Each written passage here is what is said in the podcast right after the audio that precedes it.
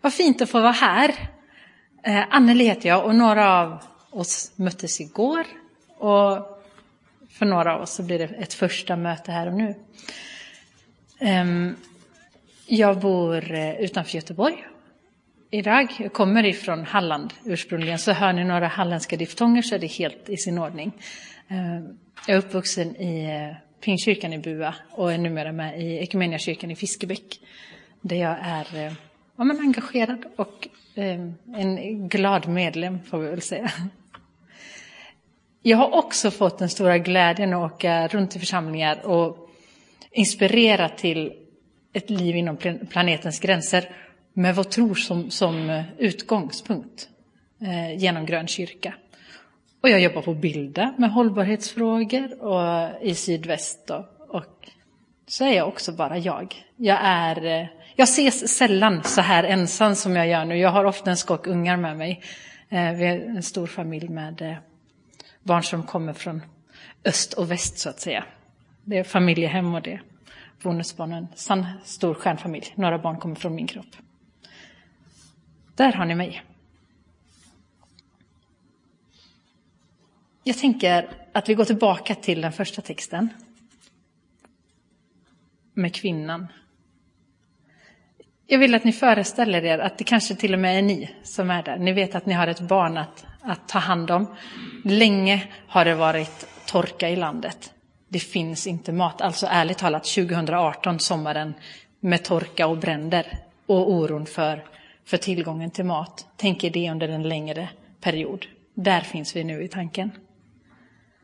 Och det kommer fram en man när ni är ute och samlar in ved eller vad det nu kan vara ni gör för att fixa maten. Och han ser superruffig ut. Alltså som sprungen ur vildmarken. Och ber om vatten. Det första som händer i mig, om jag föreställer mig detta, att jag är ute i skogen och det kommer fram någon som ser så ruffig ut, någon jag inte känner och så ber om vatten, så tänker jag så här, jo, visst, absolut, här. Men, men när han också ber om bröd, och jag vet att det som finns kvar nu är det sista jag vet att jag har. Och jag har ett barn att ta hand om som litar på mig hade jag då delat med mig? Eller hade jag sagt, tyvärr, det, det, det går inte, du får söka vidare. Men kvinnan hon var en tillitsfull typ som vågade. Jag vet inte vad det var som väckte, väcktes i henne i det.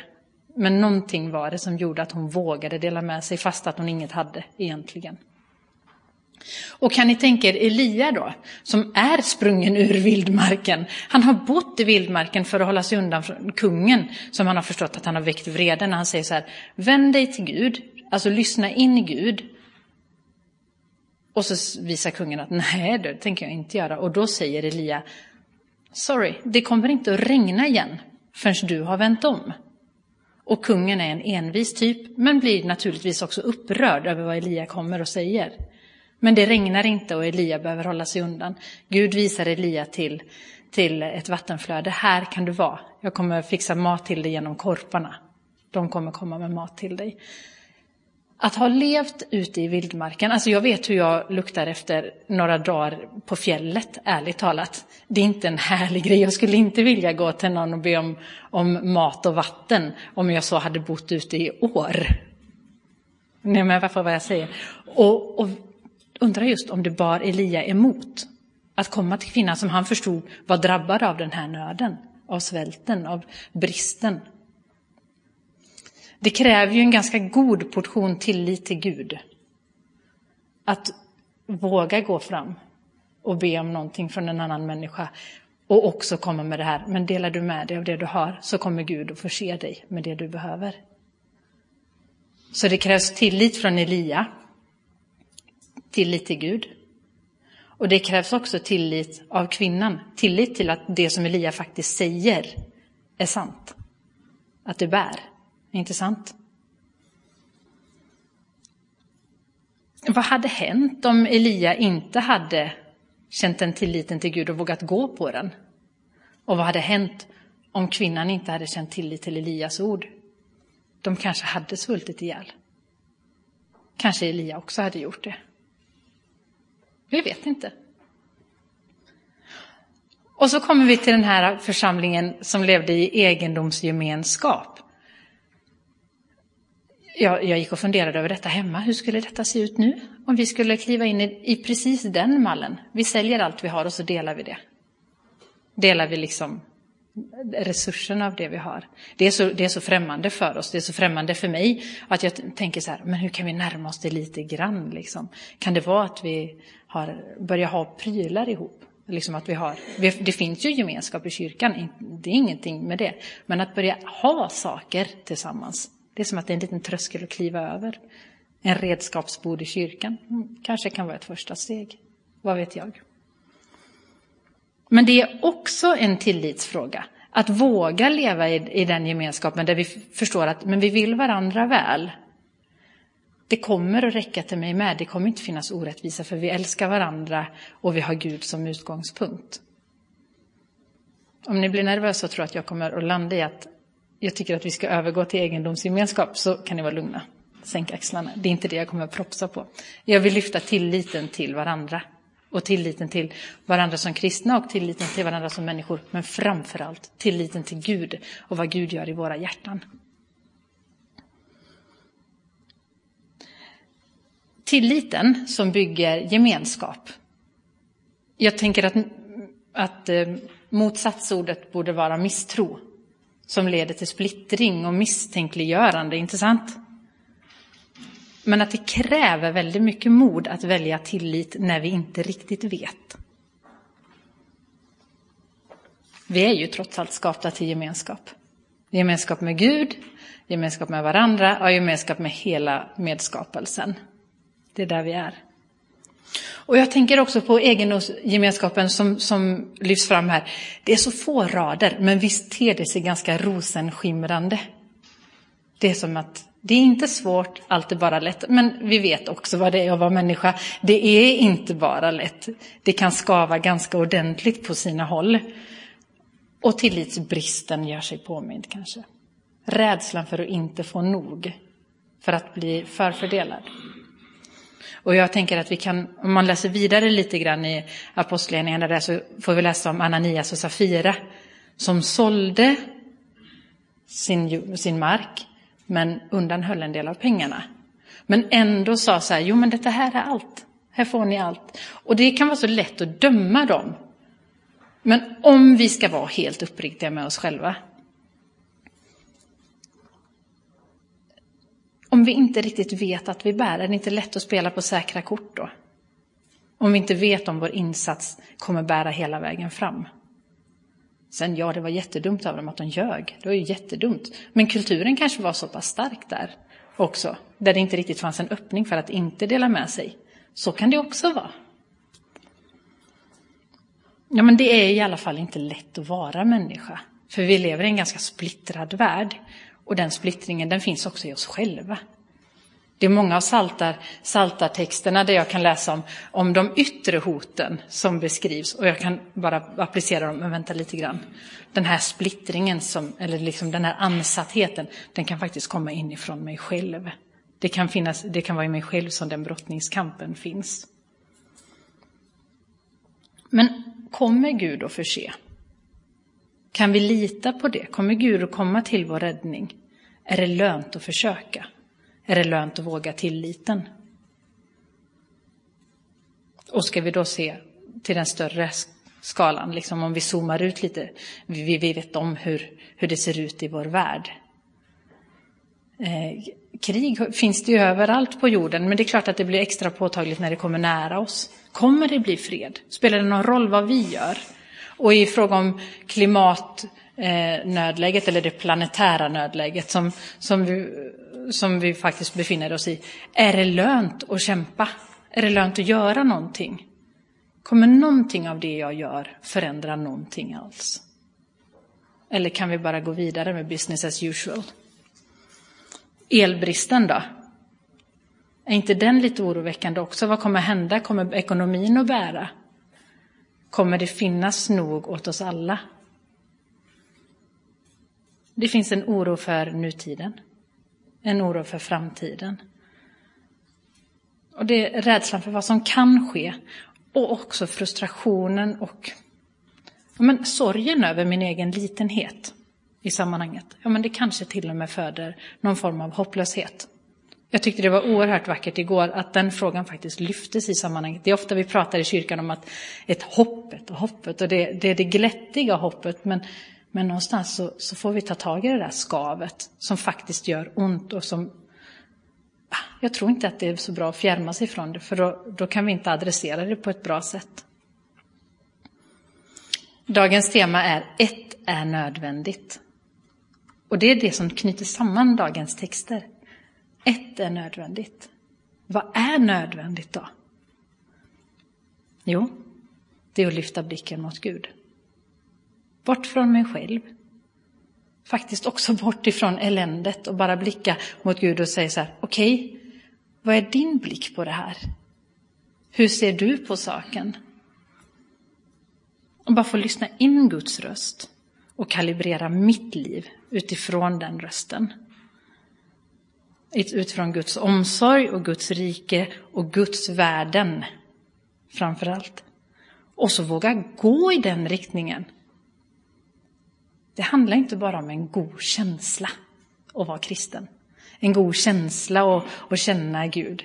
Utan att faktiskt ta till sig av den tilliten och den vissheten om att Gud är med. Och så gå, gör. Ja, för vad hade hänt om Elia inte hade gått? Och vad hade hänt om kvinnan inte hade känt tillit? Och vad hade vi fått med oss av den berättelsen? Och den första församlingen då? Om de inte hade levt i någon egendomsgemenskap? Jag vet inte. Jag tycker att det är en rätt utmanande bild av vad det kan vara att vara församling. Att dela. Ja, men jag tänker att tilliten, det är grunden för modet att våga gå dit vi är kallade att gå, fastän att vi inte vet hur resultatet blir. Det är modet att gå dit vi är kallade att gå, fastän att vi inte vet hur resultatet blir. Så, okej, okay, vi går. Men är det lönt? Kommer vi att kunna lösa den planetära krisen? Kommer vi få fred?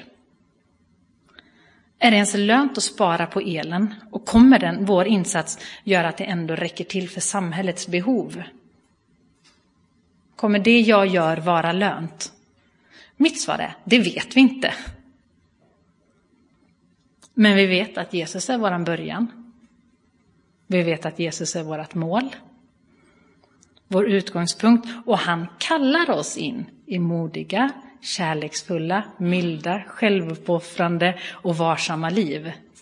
Det är det vi är kallade till. Så resultatet av det, det kanske inte ens behöver ligga i våra händer. Det kanske vi kan få lämna över till Gud.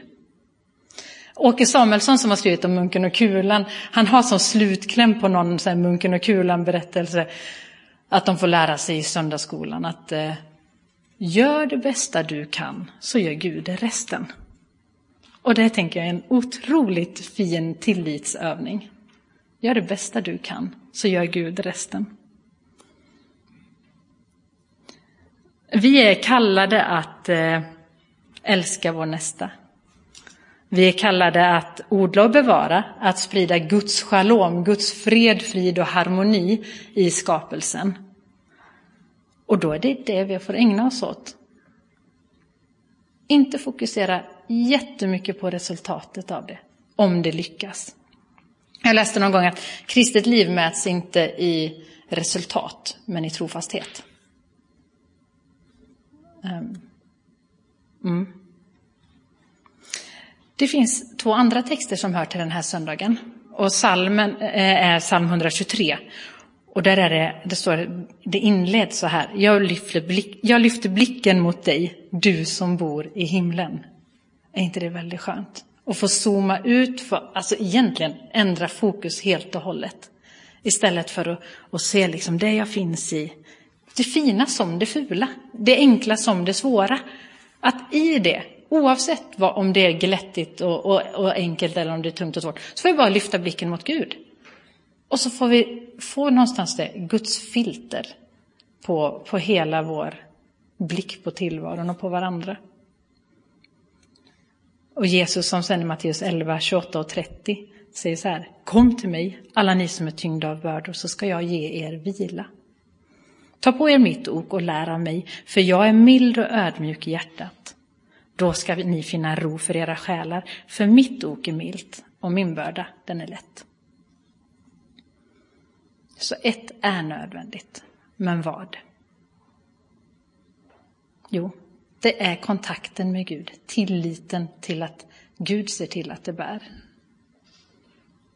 Det är inte den mysiga känslan, för tillit som bara är en känsla är inte någonting värt faktiskt. Utan det är tilliten som ger modet att gå fast att vi inte vet om det bär. Fast att vi inte vet resultatet av det vi gör. Om vi kommer att lyckas. Så att våga gå fastän att det ser hopplöst ut. Att gå på den kallelsen. Ehm, I Equmeniakyrkan så utlyste, utlyste vi klimatnödläge för ett år sedan. Och jag har den stora glädjen att sitta med i eh, en, en grupp, en temagrupp som tar fram en handlingsplan för det här. Och där finns också en eh, pastor som heter Lena Bergström med. Hon har tagit fram tillsammans med några andra en bönbok. Och jag tänker att vi kan be den bönen tillsammans. Eh, en bön som jag åt, eh, bad varje morgon under fastan. Och vilken vila det var.